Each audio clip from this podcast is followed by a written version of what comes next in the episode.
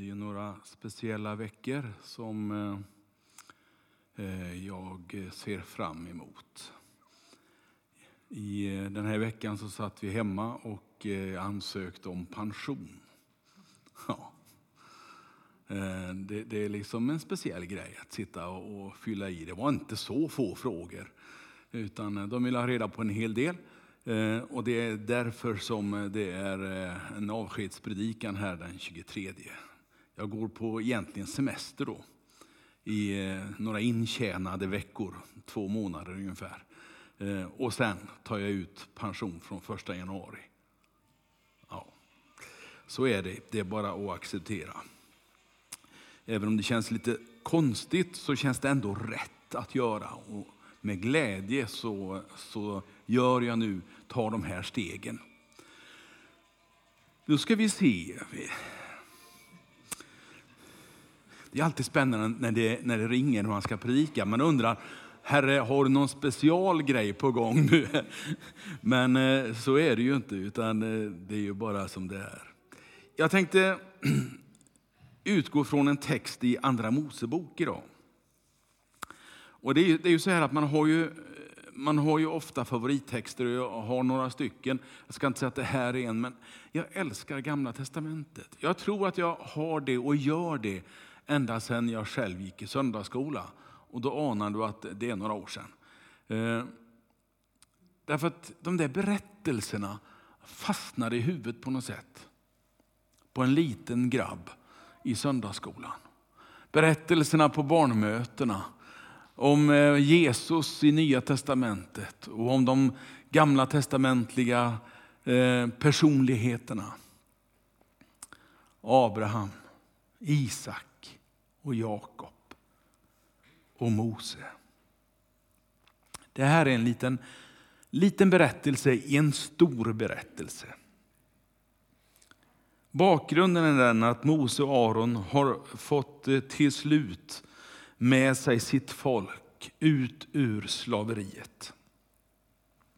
Ut ur slaveriets Egypten.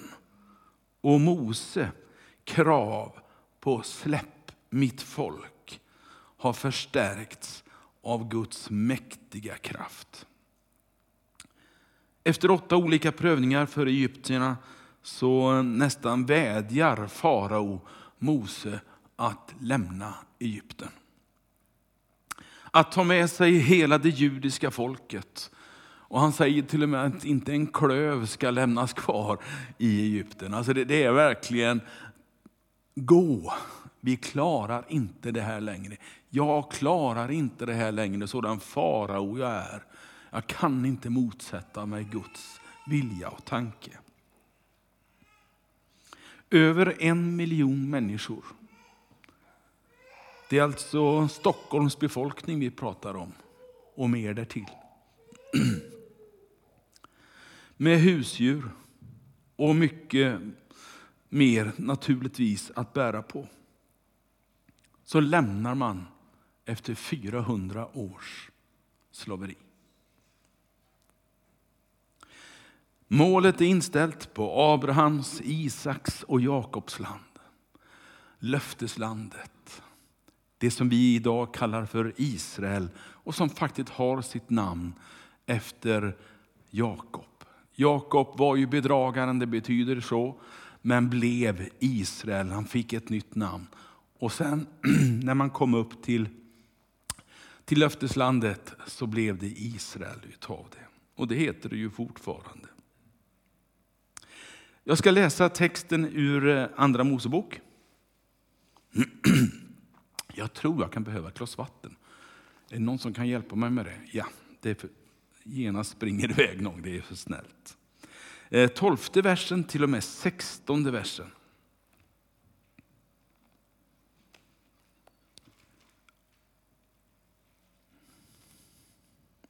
Var det inte det vi sa till dig i Egypten? Vi sa, låt oss vara så vi får tjäna egyptierna. Och de hade varit bättre för oss att tjäna egyptierna än att dö här i öknen. Moses svarade folket, ja, men var inte rädda. Stanna upp och bevittna den frälsning som Herren har idag. Den sa, Herren ska strida för er och ni ska hålla er stilla.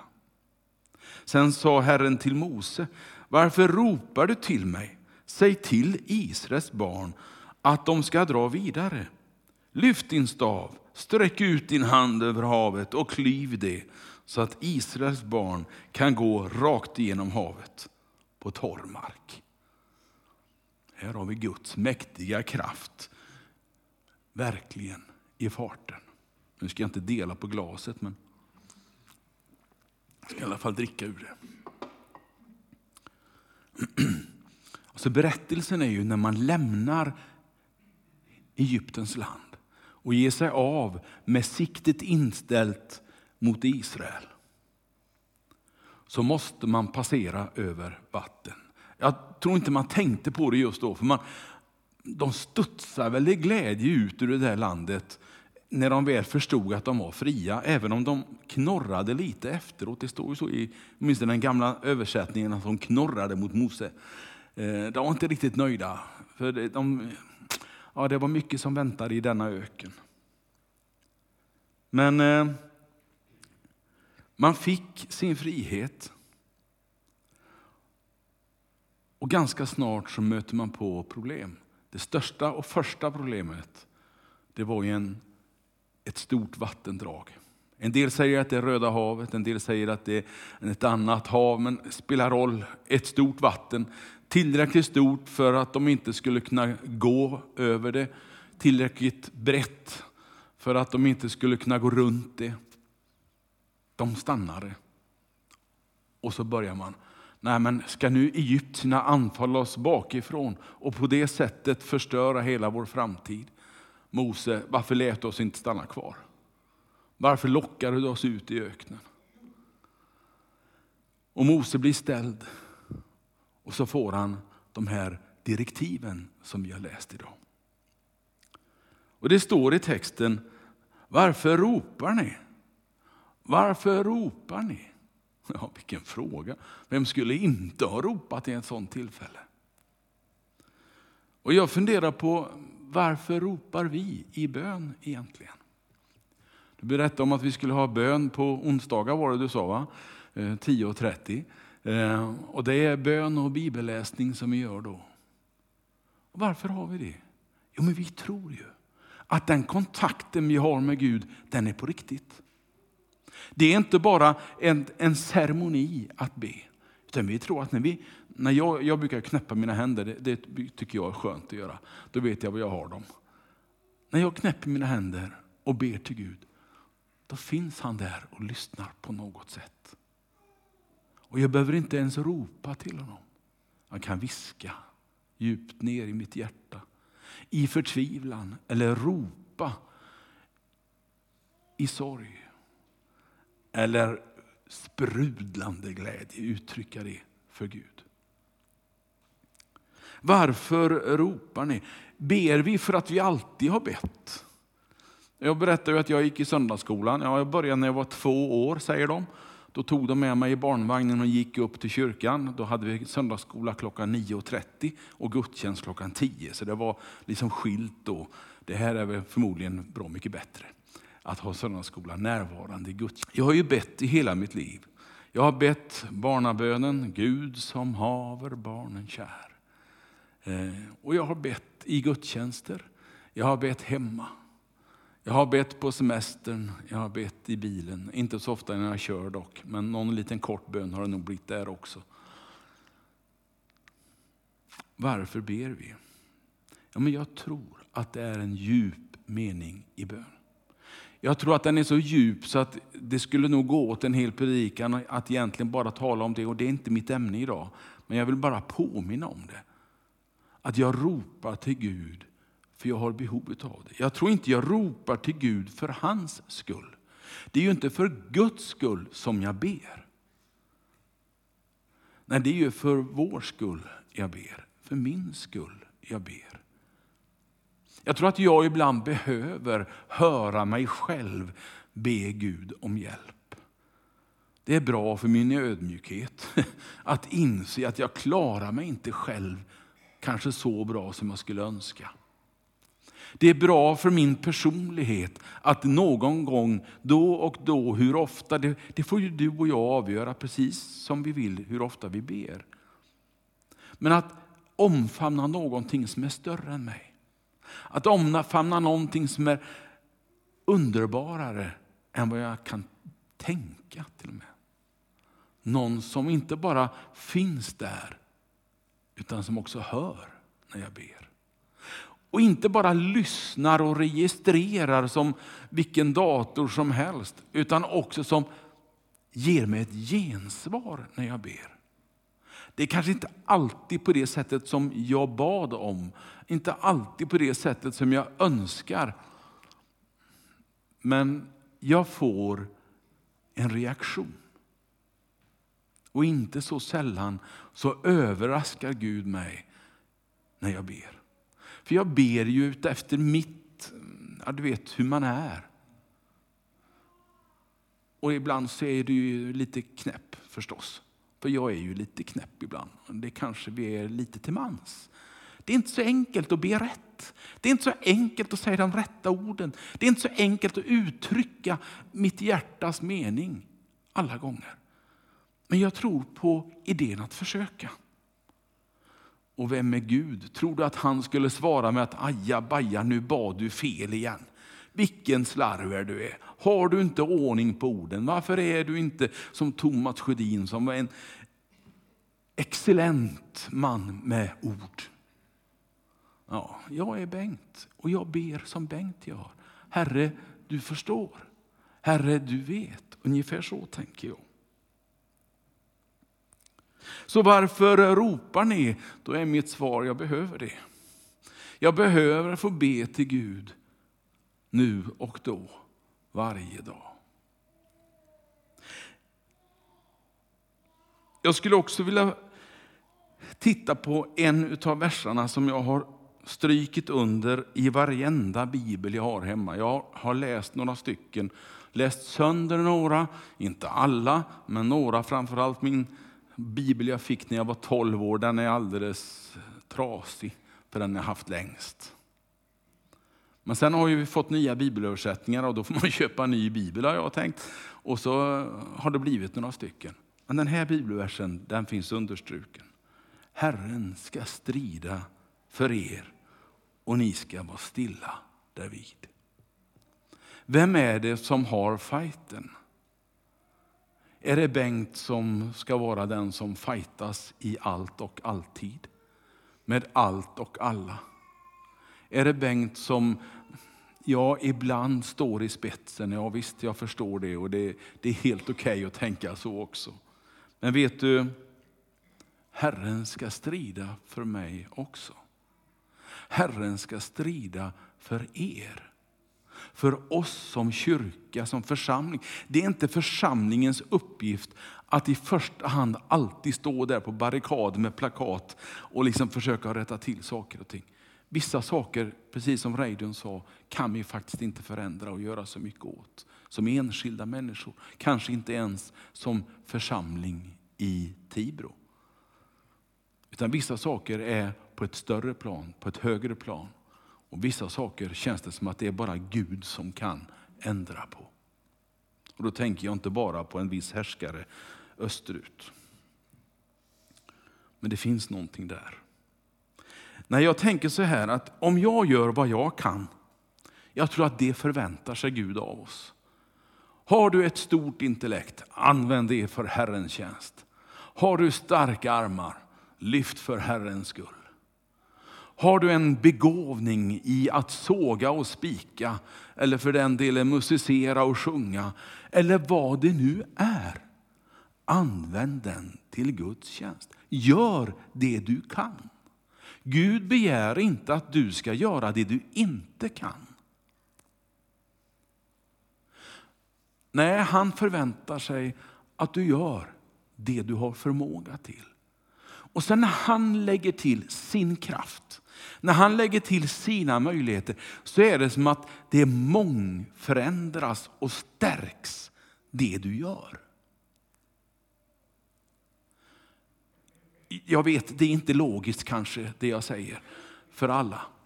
Men för mig som läser min bibel så ser jag hur gång på gång enkla människor i Bibelns blad. Mose var egentligen en enkel man. Ja, han fick 40 år av utbildning hos farao, men sen fick han också 40 år ute i öknen bland får och getter som en vanlig herde, som en helt vanlig människa. Så det var ju inte förrän han blev runt 80 år som det började hända saker i hans liv av ledarskap och eh, att föra människor ut. Det kan vara nyttigt tror jag att känna sig beroende av Gud. Att sträcka sig kanske längre än vad jag till och med förmår. Därför att där kommer Gud in. När jag vågar sätta målet lite högre än vad kanske förnuftet säger ibland. Ja, nu menar jag inte att vi ska anta mål som är uppe i det blå, långt borta från all verklighet och närhet och, och, och jord. Någonstans däremellan, tänker jag. Man kan också hamna så man bara anstränger sig så mycket som man alltid har gjort och som man är trygg med. Men Guds ord verkar uppmana oss att våga ta ett steg till. För vad var det de gjorde? De gjorde ju det som inte gick i vår berättelse. Det finns en strid som vi inte kan kämpa själva. Paulus han tar tag i det här lite grann när han skriver till Efesierna. I slutet av brevet så är det som om han förstår att ja, men den här striden som vi kämpar i kyrkorna, i församlingarna, i de första kristna, det första århundradet. Det var en tuff strid. Man hade hela romarriket emot sig ibland. Ner och stod och skällde på de nykristna. Och ja, förföljde dem, det var det är ett litet ord i sammanhanget. Då säger Paulus så här, Hörrni, det finns en gudomlig utrustning i den andliga kampen. Herren ska strida för er. Herren ska hjälpa er med svärdet, med lansen, med skölden, med hjälmen. Det är Guds rustning i er strid. Så du står där inte utblottad och utlämnad i den fight du har för Jesus skull. Han är med dig. När jag läser min bibel så läser jag ju både i gamla och nya testamentet. Och i gamla testamentet så är det ibland strider som är så blodiga så eh, jag, jag ryser lite. Det är inte riktigt så jättekul att läsa. Men jag läser dem ändå för jag tänker alltid det är väl någon nytta med det. Eh, jag begriper inte allt. Om det är någon som skulle göra det, begripa allt som står där, kan ni säga till mig efter, för jag har några frågor i så fall eh, som jag gärna skulle vilja ställa. Men jag gör det inte. Men jag accepterar det. Det står som det står och då, då får jag ta det liksom på något sätt. Och så får jag fundera. Det är en utmaning. Men jag kan se mitt i alla de här striderna, så gång på gång så kommer Gud sitt folk till hjälp. Det folk som han väljer ut från Abrahams ett, Isaks ett och Jakobs ett. Jakobs tolv söner som blir det som är judafolket. Man får olika stamtillhörigheter. Ja, jag ska inte berätta hela den historien, hela den, det går ju inte. Men jag ser liksom hur Gud hjälper och stöttar. Hur Gud gång på gång för dem tillbaka till tron på honom när de trillar iväg åt något håll som inte Gud vill och som inte är nyttigt. Och om Gud har stöttat Israel i Gamla testamentet, så varför inte idag? Kanske till och med mitt i vår tids fientligheter emot det här lilla, lilla folket i Mellanöstern. Bland de mäktiga grannar man har. Så undrar jag, Gud vad har du för plan? Gud, har du någon speciell plan med ditt folk? Jag är nyfiken. Jag vill gärna följa det. Jag vill gärna se utvecklingen. Jag vill gärna se vad som händer. Jag tror Gud att du är med dem idag också. Nåväl, det verkar som att Gud alltid är ett steg före på något sätt. När vi läser i texten här om Israels folk och Mose, så var det någonting som Gud satte framför dem när de gick. Som Gud hade bakom dem när de gick. Kommer du ihåg berättelsen? Om natten så var det en eldstod och om dagen så var det ett moln. Och det har blivit målat ungefär som man tänker sig en bautasten. Om ni har läst Asterix någon gång så vet ni vad jag talar om. Eh, något, något stort månsjok som liksom var framför dem hela tiden. Visade riktningen. Här ska ni gå, så här ska ni gå. Och när man kommer fram till, till, eh, till vattnet som man inte kan ta sig över så går molnstolen bakom och skyddar dem. Så de inte syns. Hmm. Det är väl snart dags att gå i pension om man inte ens kan prata utan att dricka massa vatten. Jag tänker mig så här, vad har Gud gjort för att hjälpa dig och mig att navigera? Står vi där helt själva och liksom måste ta ut riktningen och se hur ska jag navigera i mitt liv, i vår församling, i vår värld? Jag tror att Gud har gett oss boken som ett navigeringsinstrument. Jag tror att Gud till och med har placerat ett instrument djupt inne i mitt hjärta. Djupt inne i mitt, min personlighet så finns Gud med sin heliga ande. Så läser jag mig till undervisningen från bibelbladet för att hjälpa mig framåt i livet. Han gör det i stort ibland, han gör det i smått ibland. Men jag behöver aldrig känna mig ensam från Gud på det sättet. Han finns där alltid med mig. Herren ska strida för er. Jag kan inte nog älska den texten.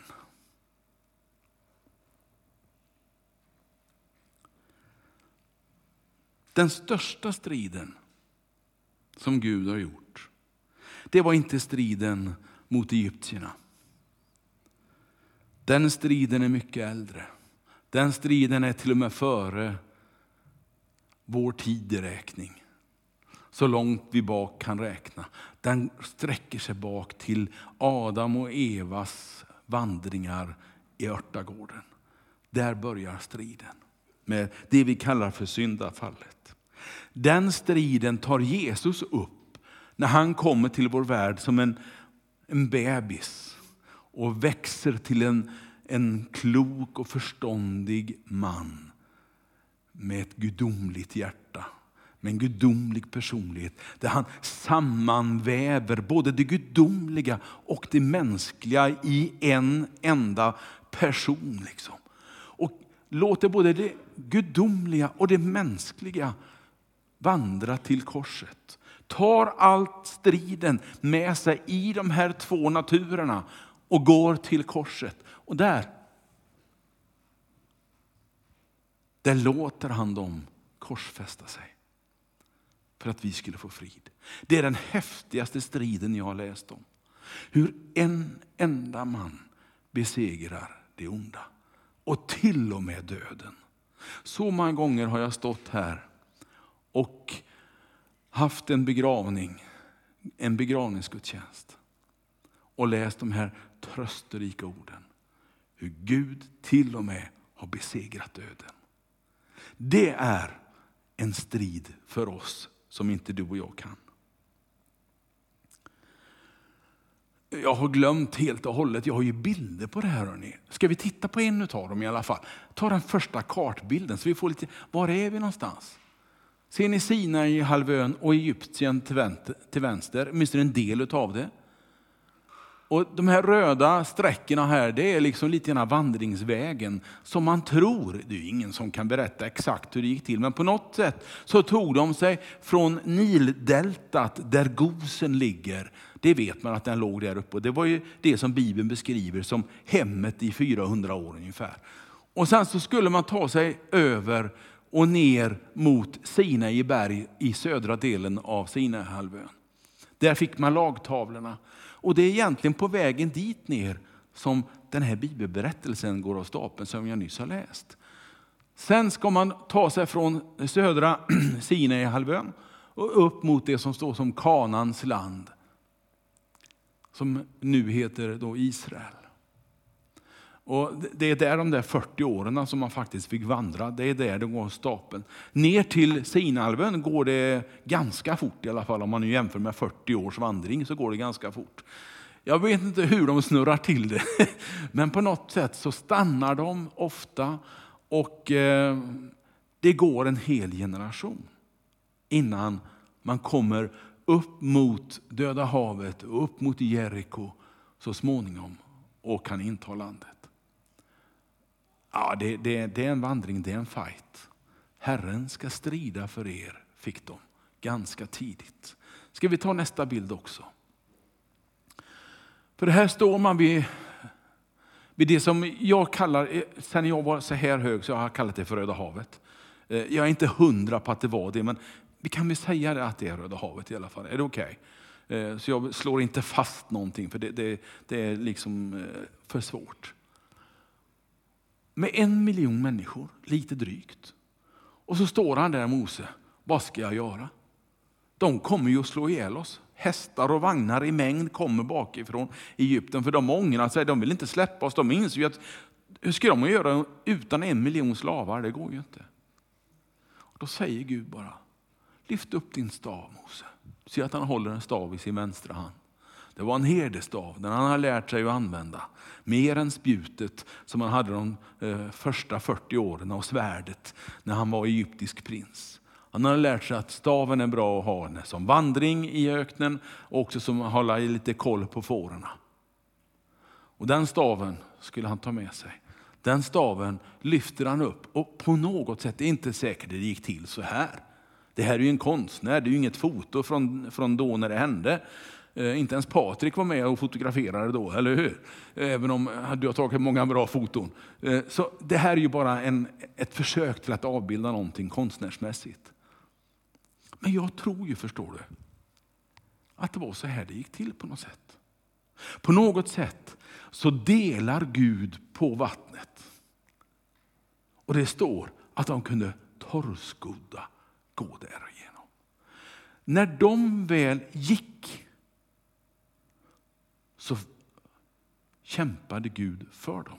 När de sen mötte motstånd och Mose vågar i tro på Gud på något sätt sträcka ut sin stav och säga nu vill jag gå åt det hållet, gör så det går. Så på något sätt så viker havet åt sidan. Och det står till och med att det blir som torr mark. Det är ju ett under till då. Inte bara att havet ger vika utan det blir torrt också. Jag har gått på många havsbottnar och det är inte torrt kan jag tala om.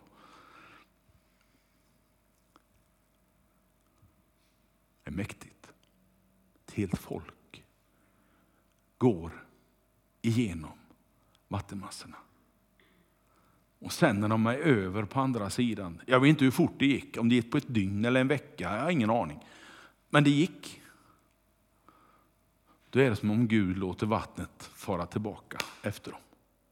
Och mitt i vattenmassorna så är det den fientliga armén som faktiskt går om intet. Gud ska strida för er. Jag begär inte att Gud ska, ja du förstår, jag begär inte att han ska slå allt sönder som står emot oss. Det är absolut ingenting sånt. Men jag anar att jag har en mäktig kraft på vår sida när vi, Guds församling, gör vad vi kan med att köpa nya stolar och samla in pengar, Pelle. Eh, det är ett sätt vi kan göra det på. Men också att jobba med barnverksamheten, jobba med ungdomarna, jobba ute i vårt samhälle på olika sätt. Jobba där du står, där du är på vardagen. Det är ju där du är mest. Du är mycket mer i din vardag än vad du är i kyrkan. Ja, för de flesta av er i alla fall. Det är väl jag och Hanna här nu som är mest i kyrkan här kanske. Men jag tänker mig att, att det, här, det här är liksom hur Gud leder dem.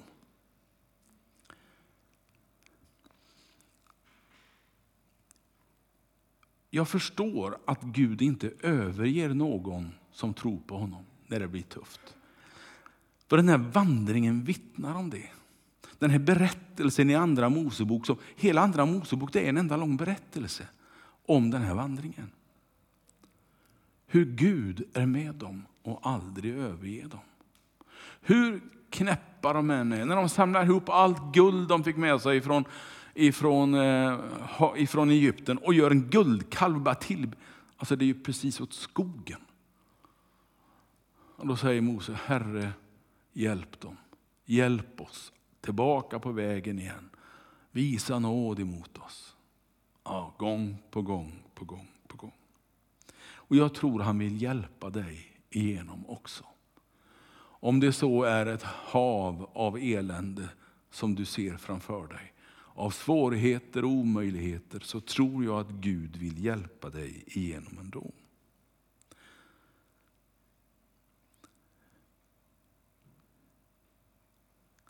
Säg till Israels barn att dra vidare. Att inte fastna i nuet. Att inte... Fa Ursäkta Ami, har du lust att lägga upp bilden igen? Att inte fastna i den bilden. Att inte fastna i den positionen. Utan att våga gå vidare och lämna havet bakom sig. Lämna svårigheten bakom sig och våga gå framåt. Våga ta ny position. Våga följa Gud igen. Det tror jag på. Och jag tror det är viktigt. Ibland så fattar vi fel beslut. Ja, kanske inte du, men jag har gjort det. Och jag kanske fortsätter att göra det också någon gång ibland. Men det viktiga är inte om det är fel eller rätt alltid. Utan ibland så är det bara rätt att fatta ett beslut.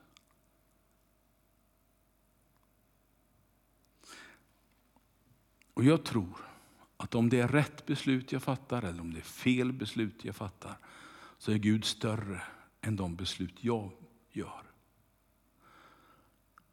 Jag tror att Gud är en mästare på att hjälpa mig att vända mina felaktigheter. Jag tar mina, för jag känner ju inte dina, eh, mina felaktigheter och vända dem till något gott.